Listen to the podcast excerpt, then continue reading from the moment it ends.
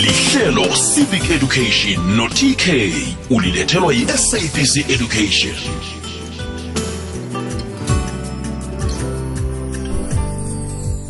Umhasho ikokwezi FM kukhanya ba siyakulotshisa siyakwamukela mlaleli ntambama namhlanje. Sekungelesine sithokoza kakhulu ukufumana ubeka indlebe ngalesi sikhathi sobusuku. Na usanda uvulela njenganje umhatsho lo awukachaphi ikwekwezi FM kukhanya ba bizo lami nginguthokozani ndulu namgwezani ihlelo lethu ihlelo i-civic education eliza kuwe qobe ngelesine nayimachumi amathathu mzuzu ngemva kwesimbi yethoba bekubethe isimbi yechumi mlalele kokwezi FM hleleke kuhle khulu khulu kwamambala ihlelo lethu. Umvezi walo ngupatrick kabini uhlalithwa mlalele kokwezi FM abantu basebenza ngamandla ukuze bakhulise umnotho wabo. Eh kuthi-ke basebenza njalo-ke babuthelele imali ngendlela nje ezahlukahlukeneko. Eh kanti-ke ngakelinye ihlangothi-ke ukube banepahla ukube-ke um nenkoloyi izindlu nokhunye nje-ke okuningi akubutheleleko. Kuyenzeka-ke bona-ke uzima amkhumbule.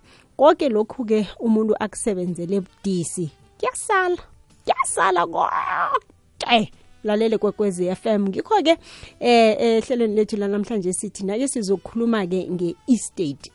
Sicale-ke bona-ke yini i-estate ngelimi nje elilula eh begodi-ke ukhona ujabulane mkhwanazi. Ngikhuluma ngesivakatshi sethu sisemtatweni sizohlathululela eh ngokunabileko bona yini eh okutholakala ngaphakathi kwe-estate. Beka indlebe emlaleli kokwezi FM nangabe unombuzo eh ungathoma njenganje khona nje ugadangise iphimbo lakho eh lapha ku-WhatsApp. 0794132172 inomboro yewhatsapp la ugadangisa khona iphimbo lakho. Bese-ke uza kudosa nomtato-ke godu enomborweni ithi 0861120459 khona-ke godu-ke nethi 011 714 3731 011 714 3410 ne-011 714 3470 011 3655 01714 zinomboro zethu-ke zomtatu lezo la sitholakala khona mlalelo kokwezi FM uzazibuzela-ke umbuzo ehlokweni sisiphetheko sanamhlanje. Simkhwanazi ngiyakulotshisa ngiyakwamukela kokwezi FM uvukile. Ngilotshise ngilotshise nomlalelo kokwezi FM wonke olalele ngalesi sikhathi aha-ke sithokoza kakhulu kwamambala ukuthatha isikhathi sakho uzoba nathi namhlanje si. Msinyazana nje-ke eh, akhe sikhumbuze umlaleli kokwezi FM ngombana ngiyabona kusihloko khe sasithinda phambilini. Eh, sikhuluma nge-estate mkhwanazi yomuntu ongasekho ohlongakeleko. Asithome nje-ke ngokuyihlathulula i-estate le kubona-ke ingabe iyini? Eh thike ngendlela engayo hmm. eh yazi namhlanje singolosine sasa ngolosihlanu eh kunemingcwabo ekhona nabantu ababulungako kusasa Hmm. eh kunomndeni obhujelweko ubaba lo bekanama-taxi mhlawumbe engenzeka ayi-16 Hmm. eh nofana ayi-10 mara-ke tk nangabe kunjalo kade kuliwa nangabe ubhubhe i-friday ephelileko kade kuliwa kulelwa ama-taxi la nawuthi uyaqala ubaba noshem eh ubaba othiye abantwana abayi-three eh umntwana una-twelve years omunye una-nine years omunye una-six years. Abantwana nawuthi baqala eh tk bantwana abengekhe bakhona ukulawula eh ama-tix la angekhe bakhona ukulawula i-estate lesi and-ke nawuqala-ke ngendlela ekwenzeka ngayo emizini loyo eh uma lo okhona eh ohlele ngale entweni esibiza ukuthi ngumatras nofana ohlelele isidumbu leso ngaleso sikhathi bathi nguye ubulele ubaba lo. Therefore abantu bomuzi lo eh nofana abobhuti bomuzi lo nakubantu bebakhona eh ngenzeka mhlambe bowamkhulu bakhona bathi awa eh uma lo akahlali ematrasini loya akazokuthola anything ekhona ngaphasi kwe- kwehlelo eh lepahla ekhona. Yiyo into esibiza ukuthi i-administration of estate eh TK lokhana nangabe sekunjalo TK ubhubhe umuntu and eh, ubhu- kuyenzeka kwesinye isikhathi TK ubhubha umuntu loyo une-will nofana akanayo i-will. Mm mm. Akhe sizweke Administration estate leyo. Ya administer ngaso soke isikhathi. Kumele kube nomuntu oza kulawula impahla le ekumele ilawuleke ngayo. Um mm. nofana kuna-will la Mhm. Ke uyihlathululeke vele ukuthi ihlele kanjani eh yona estate le eh njengoba uwe uveza ukuthi kuya ngokuthi ine will noma ayina will na. Kho ihlathululeke lapho ke sithi mhlambe abe yikho iwill leyo nanyana eh ke sithi vele ayikho. Mhlambe ke eh kuhlele kanjani lapho. ke ithi sithome lapha nangabe iwili ikhona Okay. Nangabe ikhona Mm. eh kutsho ukuthi umuntu obhubhileko uthiye iimfiso zakhe ngendlela afuna ukuthi kube ngayo um ngempahla ayichiyileko Mm. nakathe uza kunikela u-TK i-one million ranta Mm. anikele umkhwanazi i-one million ranta iphelele lapho kutsho ukuthi isifiso sakhe asichiye lokha before um adlula ephasini ngendlela um azokuthiya ngayo isifiso leso TK. Indlela azokufisa ngayo nofana azokuthiya ngayo istate yakhe kube ngasuthi uyaphila ngaleso sikhathi kube ngasuthi uqalile impahla yakhe ukuthi operator njani. That's why angeke uphikisane nomuntu oza ukuthi mina ngichiya le eh impahla ukuthi ke ngichiya le ikhumbi eh kumkhwanazi. Angeke ukhona ukuphikisana isifiso sakhe that's why sithi i-will Mm. Ufuna ukuthi kwenzeke ngendlela afuna ukuthi kwenzeke ngayo lokha adlulile ephasini kube ngasuthi uqalile. Mara-ke nangabe akuna eh i-will TK Mm. umthetho ulula. Lokha nakune-will siyibiza ukuthi i-state succession ilawulwa into esibiza ukuthi i-state succession act.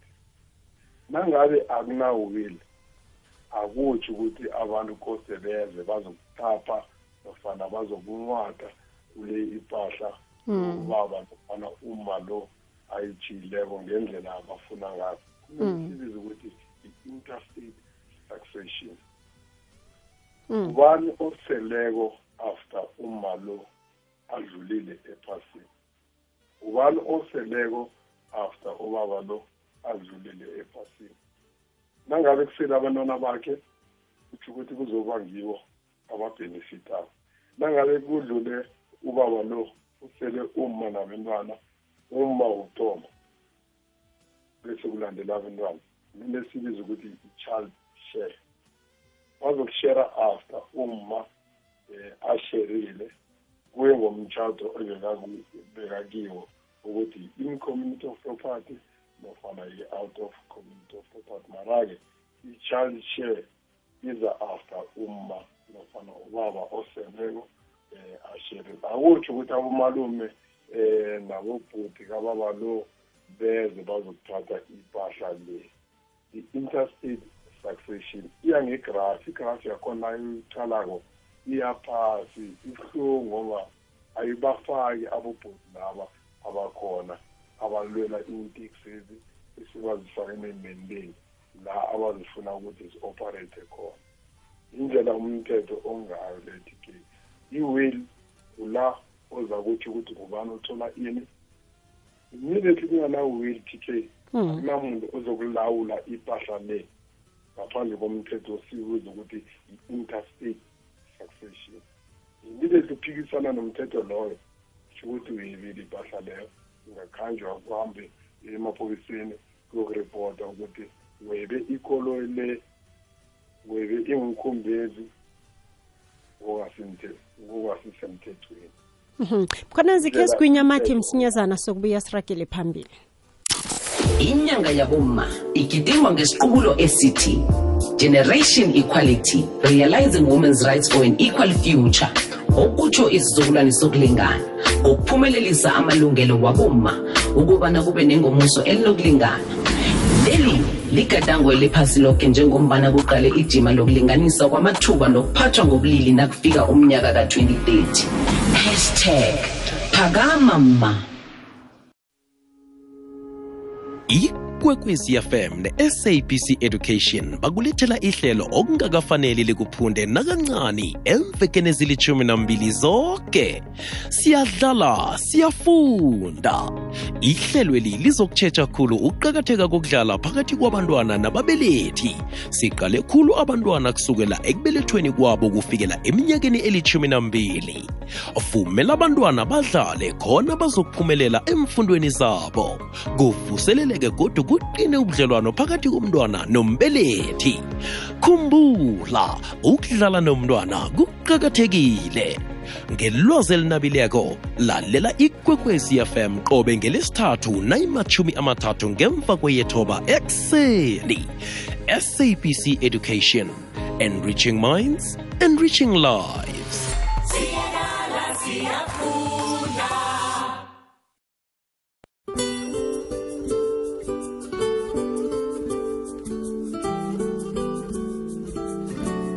lihlelo civic education no-tk ulilethelwa yi-sabc education.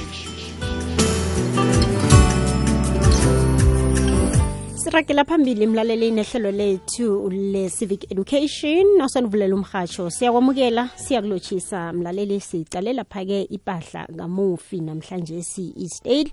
Sikhambisana-ke nojabulani mkhwanazi oliqwetha o- oyisazi eh, ngezomthetho. Nguye-ke osiphihlathululo ngendaba esiphethe komlaleli kanti-ke ngiyabona nama-voice note ayangena-ke emlaleli la wathumele khona ku-079 413 sakwenza isiqinisekiso sokuthi-ke um siyawalalela. Bese-ke la unombuzo khona ukhone ukuphenduleka ukhona umkhanazi. Emkhanazi khe sicaleke msinyazana ukucakatheka kwe-will. Abantu abanganandaba nayo i-will ekhe ngekhe bacabange ukuthi bayenze kuqakatheke kangangani ukuthi kube khona i-will? Eh tike ukuqakatheka nofana ukubaluleka kuwili iye. lokho yisi umuntu lokhana athi mina ngifuna eh umbhedo lo usale kusilaki nofana ngifuna li- ikoloyi isale udzwamare ula afisa khona yena ene kusifiso sakhe.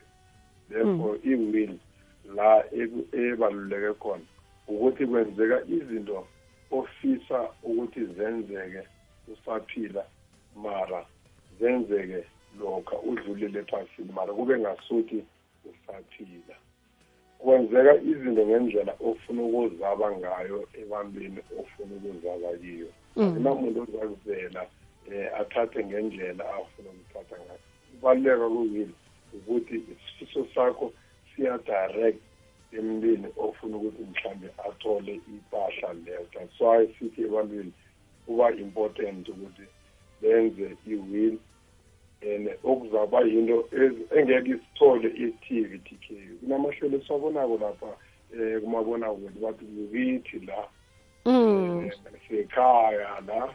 Mamazala abantu umindlu benziwa lavi lapho. bekasakhuluma ilingathi elithi mamazala. Avoida amahlelo anjengalawo tk mm, mm. ukuthi wenze into le esithi yi-will sifiso sakho lesi ofuna ukuthi senzeke lokhana udlulile ephasini. Singarareki ke baningi abantwana abaralileko nje and abeza kithi maloyara eh, ba- bafike kithi bathi nakuthethwe ipahla engaka and ithethwe 17 years ago. Mina eh bengina 6 years mina bengina 5 years. Ibuhlungu ke i-will i-important ngendlela yokuthi umuntu ngaleso sikhathi athina ngaso la adiclare khona ukuthi ufisa ukuthi ipahla le isale nobani ngesikhathi adlule ngaso ephasini. Ahake um mkhona zinje kanje ingiba ukuthi silalele imibuzo ekhona ethunyweni mlalele kokwezi FM sizayitlola phasi-ke mhlambe-ke um ibe mhlanu bese-ke sicale-ke ukuthi-ke iphendule kanjani. Ahake sithuma ngapha. Ya ngeminlane nguthombeni okhulumayo eh benginesibawo manje kubaba umkhwanazi eh a- asimuzwa kuhle emakhaya uzwakalela phasi. Angazi nangapho ngemrhatshweni uthini muzwa right na? Uzwakalela phasi. Mhlambe na angasondela sondela sikwazi ukwazi ukuzwakala kuhle emakhaya. Asimuzwa kuhle. Okay thombeni ngiyathemba ukuthi sizayilungisa-ke leyo mkhwanazi. Nami khe ngicale ngapha bona zami ezizijame njani? Kodwana siyamthokoza-ke umthombeni sizayilungisa leyo khe sizwe. Umkhwanazi asithi nangumuntu unayo iwili mara yaziwa nguye yedwana ukuthi unayo iwili. So nakahlongakala labo abaseleko bazokubona ngani ukuthi ikhona iwili namkhana ayikho kuzokulawuleka kanjani? Ngiyathokoza ngosithi ohisiphola ake siyathokoza umbuzo wakho. Sizokuragela phambili godi-ke sihlole. Bona-ke umlaleli uthumele wathini? Khe ngizwe nangu. Eh TK nobaba umkhwanazi ngiyalotshisa emhathweni sithokoza ukuthola ihlelo namhlanje. Nginombuzo la oyi-one othi ngisaba ukubuza ukuthi i- inangabe i- i-state ikhona mara akuna akuna will eyabhalwa ngumufi. Kuthatha isikhathi esingangani ukuthi ikhotho idecide njengoba i- kusho ukuthi i-state ilawulwa mthetho kuthatha isikhathi esingangani ukuthi mhlambe izinto ziphumele obala mhlambe zihlangane nabanikazi nangabe bantwana nangabe nguma loyo kade atshadile kuthatha isikhathi esingangani ukuthi indwezo umthetho udlala indima wona. Ngiyathokoza. Arha-ke siyithokoze-ke umbuzo wakho nangomunye. Eh TK nomkhonaza ke sithi yebo iwill leyo ayikho. Yazi kunenye isehlakalo azange ngisasilandela kakhulu engasibona kulo ku cutting edge. Eh somunye ugogo wangapha ku standard ton kwenzeka nenye ifamily ePitori babhujelwa. Ngathi imali zabo zagcine zibambeka ku Master of High Court lapho kwaba e Master of High Court kwaba nomuntu othi no umuntu onganihelebha ukuthi zikhumuke imali lezi wabakhombisa same baba lo baba wadla 3 amafamily ngagcina bagijimisana naye emakhotha. Angisazi nje yaphelelaphi into efana naleyo. Mhm. Sithokoza umbuzo wakho. Ngibawa-ke mkhwanazi sidobhe munye emva kwalokho-ke sicala nembuzo yabalali bethu khe sizwe nangu uvusemlangene imbalenge ngicela ukubuza ukuthi like iwill masekshoni umufi. Like siya kuphi siyobona ukuthi umufi ufaka ubani kuwila akafakanga ubani uvusemlangene embalenke okay ya eh, siyathokoza-ke. Hey njenganje-ke mkhwanazi ngizobawa siyokuthengisa siye ngentolo nasibuya la-ke sikhwela phezu kwayo-ke imibuzo abalaleli abayithumeleko. Mlaleli kokwez f m ungaragela phambili-ke mna ngiwuna umbuzo uthumele ku-079 413 2172 siyabuya.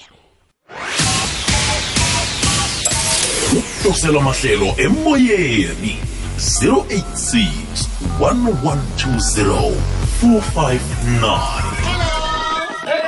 ikwekwezi fm ukhanya. ba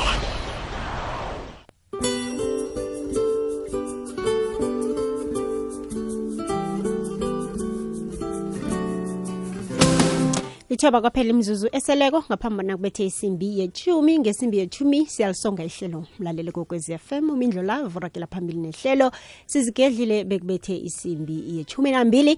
Kumela mlaleli amahlelo wethu uyakhona bona uwathole eh, njengama-podcast uzilalele wona ngesinye nesinye isikhathi okhani ukulalela ngaso. Uthi ikwekwezi fm co za ngene yethu uzowathola um wakhethe ngendlela othanda ngakho um mhlambe-ke uzwe lona leli lezefundo ulalele mlalele kwekwezi FM mhlambe ngelinye nawe oluzileko nanyana likuphundileko eh ulalele uzigedlile. Emkhanazi njenganje ngibawa ukuthi ke sidobheni nangumlaleli katadosa ngapha emtatweni. Siyakwamukela yecha Lokoze ma, yebo baba njani? Lokoze baba kunjani? sithokoze ba ngaphandle harankwa. Iye ubaba ngibaphakamisa iphimbo kancane uzwakalela kude. Laka eh, mama ngiya kunabo baba ababili abalalela ababili ekedela lapho. Balela nje ngevolume yakwakho um nami ngiyayizwa ngabhalele ngapha kwehalankuwa iyabhala. Wu iyabhala. No baba sizayilungisa siyakuthembisa eh ukuthi ke hey sizayiqalelela ukuthi khani mara ngabe umraro ukuphi? Mkhonazi asirage nayo ke siphendula abalaleli bethu. TK umlaleli wokuthoma uthe eh ngasuthi akangizwa. Ngithemba ukuthi uyangizwa nje la khona. And uzokulalela azwisise nembuzo nempendulo esizazinikela abalaleli eh badose emva kwakhe. Kunomlaleli othe yena nangabe kuyenzeka iwill awazi ukuthi ikuphi. Ubaba nofana umma eh uyithile iwill leyo mara-ke nakho ubhubhile aniyazi ukuthi ngaso soke isikhathi TK aye siyelelise abalaleli ukuthi abazise abantu abakhona ejarideni ukuthi iwili bayenze nebhanka eh nofana bayenze noloyara eh u-KHR attorneys nofana u-TK attorneys so that lokha umuntu abhubha eh TK akhona ukuya lapho eh emaloyareni lawo atsho ukuthi nangubhubhile siba ukuthola iwili sibona ukuthi eh iphetheni ngaphakathi that's how you can know ukuthi iwili leyo ngaleso sikhathi iphetheni nofana nalokha isebhankeni mhlambe isebhankeni engeke ngayibiza eh, ngo- ngombana ngi-advoda u-advertiser um ukuthi ikuyiphi ibhanka um therefore umuntu aye lapho at least athole ukuthi ikuphi and ithini iwili leyo um ngaleso sikhathi. Kubalulekile ukuthi nangabe wenza iwili t k Ukhulume. wazise abantu abakhona ejarideni. Nabanga- nakangakakhulumi ke kufanele mhlambe ke bona balandelele ngokuya ngamabhanka mhlawumbe begada awasebenzisa. Kufanele benzeni kose balandelele kose Balandelele. balandelele t k Iye. um namaloyara mhlambe engenzeka um akhona phakathi or a-involve phakathi mara-ke t k kunile kose abalaleli um kumele bayiyelele ngaso soke isikhathi ukubana immediately iwili leyo ivela ngaso soke isikhathi and ivela nayivela kunabofakazi abakhona um abayifakazeleko ekwabantu abazokubenefita ngaphansi kwaleyo iwill.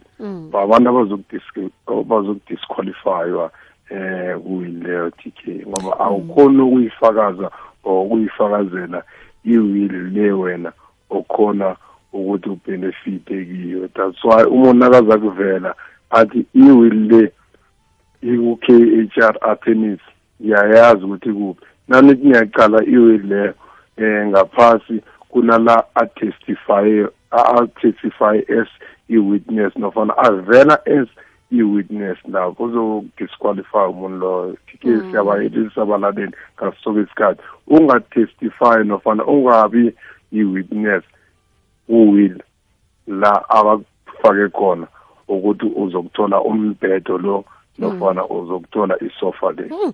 ya ilwazi-ke liqakathekileko lelo mkhwanazi umbuzo lo ngicabanga ukuthi ufana nowakavusi mlangeni umlali wethu esimdobhe kokugqina khe silandele-ke lo eh, wesibili ukuthi kuthatha isikhathi esingangani-ke um ku-estate ukuthi-ke nikwazi ukwabelwa kuhle lokho enabelwe khona eh eh TK Nakunjalo. akunasikhathi esibekiweko mara-ke eh ngama estate esinawo eh administrarako. Siyazi bona kunento esibiza ukuthi letter for authority kunento esibiza ukuthi letter for executorship. Into eziyahlukana zimbili.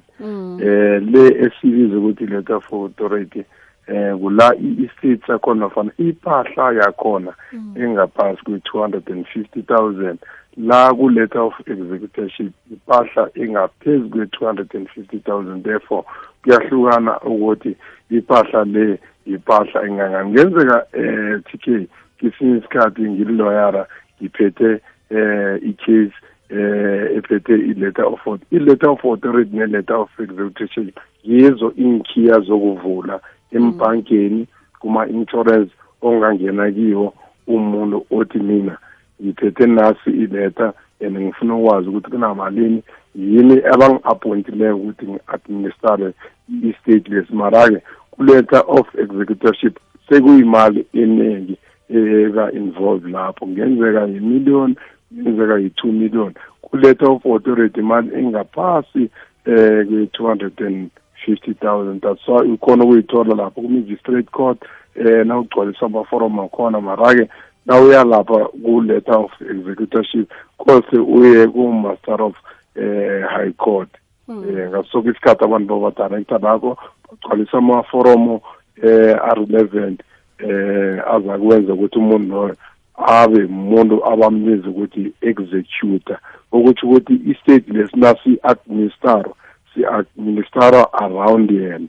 Hayi ukuthi umuntu lo TK abantu abaningi bayi-confuse into leyo umuntu immediately athola i-letter of executorship nofana athola i-letter of uh, authority.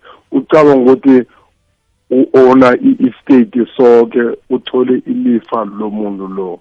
Shukuthi nawuthole amaletha la i-estate si-administerwa around wena. Hayi ukuthi uyi-onara um ye-property leyo. Kungenzeka k kesinye isikhathi um ngibe yi-executor ye-estate mina eh ngingujabulani mkhwanazi. Ngingasimndeni ngingasiyiphathi yomndeni loyo. Mara-ke ngoba i-state lesikose si-administrar soku-administrarwa around yena. Zonke izinto kusho ukuthi zizophuma around. Mina hayi ukuthi nangabe mhlambe uthole i-letter of executorship nofana i-letter of authority o-owner i-state sesibone abantu abaningi TK baphethe intolo baphethe ama-body store bathi ngoba mina ngiphethe i-letter of authority kutsho ukuthi ngi-owner i-body store le kutsho ukuthi ngi-owner i-hardware le. Akutsho lokho. I-state si-revolver around wena um ngendlela is-administrarwa ngayo. Mhm. Kasicela omunye-ke umbuzo mkhwanazi um uphethe ngakuwapho na? Nangathi ngilahlekele ngapha imibuzo. Kunombuzo othi TK la eh wokugcina ngihlukanisile executorship ne-authority. Kunombuzo othi ku-cutting edge Mm, mm. kunefamily evelileko ethi umaster eh ngathi ngasuthi kune-fraud phakathi ngendlela umlaleli ayichaze ngayo eh TK ngendlela ayihlathulule ngayo. Kune-fraud ekhona ekose yo-investigator ekose ayoreporta ema-police station Mm, mm. nayinje nayivele naku-cutting edge i think i-cutting edge ihlelo likhona e-tv and linabavezi abavezi bakhona eh abanama-investigators abangakhona ukuthi mhlambe bakhambe bayi-investigator ivele ivele i-police station up to so far. Ngamyelelise ukuthi akalandelele i-cutting edge enabavezi ezakhona ukuthi mhlambe um ngama-investigators akhona lapho ba-investigatele ifamily le kune-fraud ekhona phakathi. Mkhanazi siba usitshela inomboro zomtato lamlaleli akuthola khona? Tike bangithola enomborweni ezilula hle ezithi o seven one Mhm. three zero two seven six three. Zibuyelele godu o seven one three zero two seven six three seven. Ahake mkhwanazi sithokoze khulu kwamambala ihlathululo yoke osiphe yona ube nobusuku obuhle. Thokoza mina tike ahake mlaleli sazi ngezomthetho ligqwetha ujabulani mkhwanazi bekade asihlathululela ngendaba yepahla kamufi eh lokhanyana nakuvele ukuthi-ke umu- u- u- umuntu ekhaya ke ngithi ilunga lomndeni selikhambile khulukhulu-ke eh, ihloko yekhaya. Kwenzakalani ngepahla yakhe eseleko? Ngiyo into besihlathulula namhlanje. Sinokho sekwala isikhathi mlaleli ngiyabona umlayezo uyithumele la ku-whatsapp kodwana isikhathi sethu-ke ngiso esibhalako mncanca bezekhulu-ke kodwana ngithokozekile aba abakwazileko ukuthumela imibuzo yabo. Ngiyathemba ukuthi baphendulekile. Njenganje-ke ngiyakuhamba mina ukhona umindlo love ehlelweni sizigedlile bekubethe isimbi yechumi nambili. Mina nawe sihlangana kodu ngomvulo ehlelweni umthombo welwazi nokumahlelo wezefundo mlaleli kokwezi FM eh angena cobe ngomvulo eh bekube ngelesine kuhlukahlukana kwawo. Mina ibizo lami ngimthokoza ninduli unamgwezane mthambile